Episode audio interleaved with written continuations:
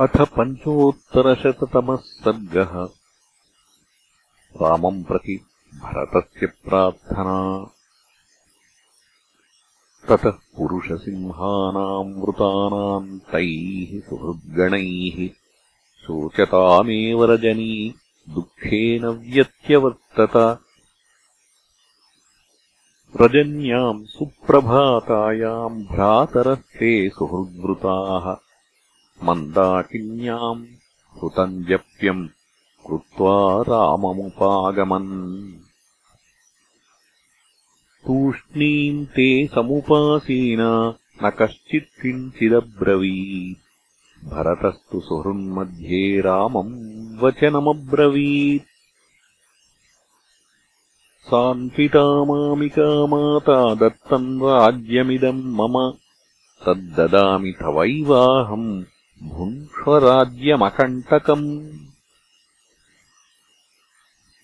महतेवाम्बुवेगेन भिन्नः सेतुर्जलागमे। दुरावारम् त्वदन्येन राज्यखण्डमिदम् महत्। गतिम् खरैवाश्वस्य तार्क्ष्यस्येव पतत्रिणः अनुगन्तुम् न शक्तिर्मे गतिम् तव महीपते। सुजीवन्नित्यशस्तस्य यः परैरुपजीव्यते राम तेन तु दुर्जीवम् यः परानुपजीवति। यथा तु रोपितो वृक्षः पुरुषेण विवर्धितः ह्रस्वकेण दुरारोहो रूढस्कन्धो महाद्रुमः। स यदा पुष्पितो भूत्वा फलानि न विदर्शयेत् सतान्नानुभवेत् प्रीतिम् यस्य हेतोः प्ररोपितः। एषोपमा महाबाहो तमर्थम् वेत्तुमर्हसि। यदि त्वमस्मान् वृषभो भर्ता भृत्यान् न शाधिः श्रेणयस्त्वाम् महाराज पश्यन् व्यग्र्याश्च सर्वशः। प्रतपन्तमिवादित्यम् राज्ये स्थितमरिन्दमम्। तवानुयानेकाकुत्स्थ मत्तानर्दन्तु कुञ्जराः अन्तः पुरगता नार्यो नन्दन्तु सुसमाहिताः। तस्य साध्वित्यमन्यन्तनागरा विविधा जनाः। भरतस्य वचः श्रुत्वा रामम् प्रत्यनुयाचतः। तमेवम् दुःखितम् प्रेक्ष्य विलपन्तम् यशस्विनम् रामः कृतात्मा भरतम् समाश्वासयदात्मवान् नात्मनः कामकारोऽस्ति पुरुषोऽयमनीश्वरः इतश्चेतरतश्चैनम् कृतान्तः परिकर्षति। सर्वे क्षयान्तानि चयाः पतनान्ताः समुच्छ्रयाः संयोगा विप्रयोगान्ता मरणान्तम् च जीवितम्।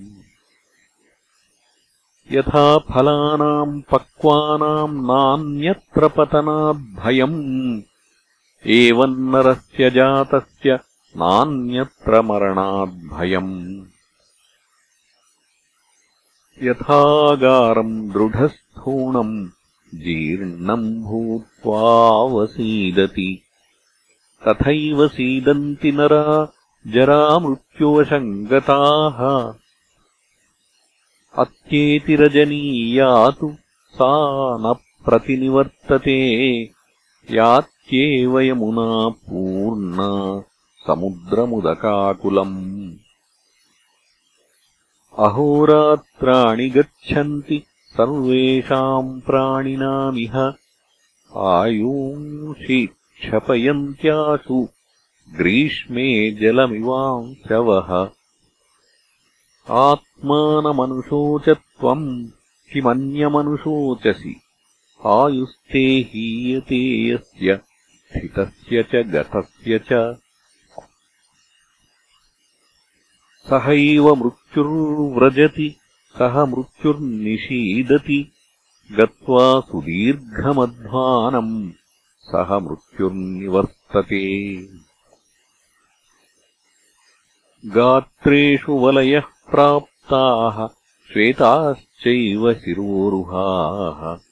जरया पुरुषो जीर्णः किम् हि कृत्वा प्रभावये नन्दन्त्युदितादित्ये नन्दन्त्यस्तमिते रवौ आत्मनो नवबुध्यन्ते मनुष्या जीवितक्षयम् हृष्यन्त्युतुमुखम् दृष्ट्वा नवम् नवमिहागतम्। ऋतूनाम् परिवर्तेन प्राणिनाम् प्राणसङ्क्षयः यथा काष्ठम् च काष्ठम् च समेयाताम् महार्णवे समेत्य च व्यपेयाताम् कालमासाद्य कञ्चन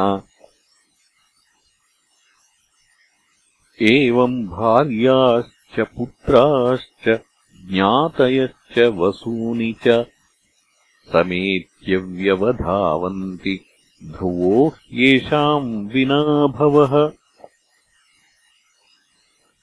नात्र कश्चिद्यथा भावम् प्राणी समभिवर्तते तेन तस्मिन्न सामर्थ्यम् प्रेतस्यास्त्यनुशोचतः।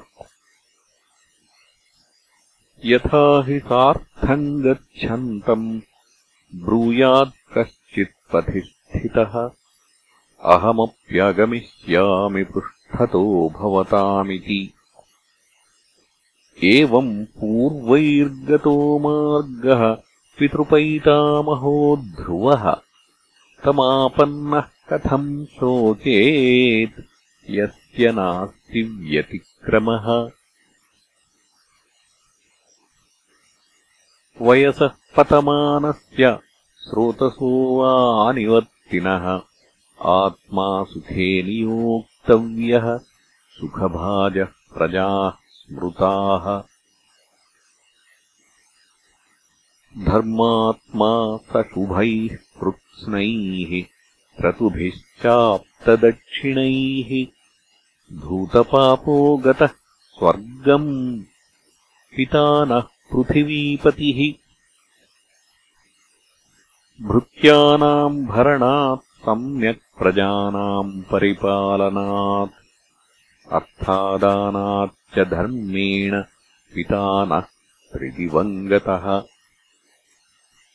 कर्मभिस्तु शुभैरिष्टैः क्रतुभिश्चाप्तदक्षिणैः स्वर्गम् दशरथः प्राप्तः पिता नः पृथिवीपतिः। इष्ट्वा बहुविधैर्यज्ञैः भोगांश्चावाप्य पुष्कलान् उत्तमम् चायुरासाद्य स्वर्गतः पृथिवीपतिः। आयुरुत्तममासाद्य भोगानपि च राघवः। स न शोच्यः पिता तात स्वर्गतः सत्कृतः सताम् स जीर्णम् मानुषम् देहम् परित्यज्य पिता हि नः दैवीम् बुद्धिमनुप्राप्तो ब्रह्मलोकविहारिणीम्। तम् नैवम् विधः कश्चित् प्राज्ञः शोचितुमर्हति। त्वद्विधो मद्विधश्चापि श्रुतवान् बुद्धिमत्तरः एते बहुविधाः शोका विलापरुदिते तथा वर्जनीया हि धीरेण सर्वावस्थासु धीमता। स स्वस्थो भवमाशोचीः यात्वा चावसताम् पुरीम् तथा पित्रा नियुक्तोऽसि वशिना वदताम् वर। यत्राहमपि तेनैव नियुक्तः पुण्यकर्मणा तत्रैवाहम् करिष्यामि पितुरार्यस्य शासनम्। न मया शासनम् तस्य त्यक्तुम् न्याय्यमरिन्दम तत्त्वयापि सदा मान्यम् वै बन्धुः स नः पिता। तद्वचः पितुरेवाहम् सम्मतम् धर्मचारिणाम्। कर्मणा पालयिष्यामि वनवासेन राघव। धार्मिकेणानुशंसेन नरेण गुरुवर्तिना। भवितव्यम् नरव्याघ्र परलोकम् जिगीषता आत्मानमनुतिष्ठत्वम्। स्वभावेन नरर्षभ निशाम्यतु शुभम् वृत्तम् पितुर्दशरथस्य नः। इत्येवमुक्त्वा वचनम् महात्मा पितुर्निदेशप्रतिपालनार्थम् यवीयसम्भ्रातरमर्थवच्च प्रभुर्मुहूर्ताद्विरराम रामः इत्यार्षे श्रीमद् रामायणे वाल्मीकीये आदिकाव्ये अयोध्याकाण्डे पञ्चोत्तरशततमः सर्गः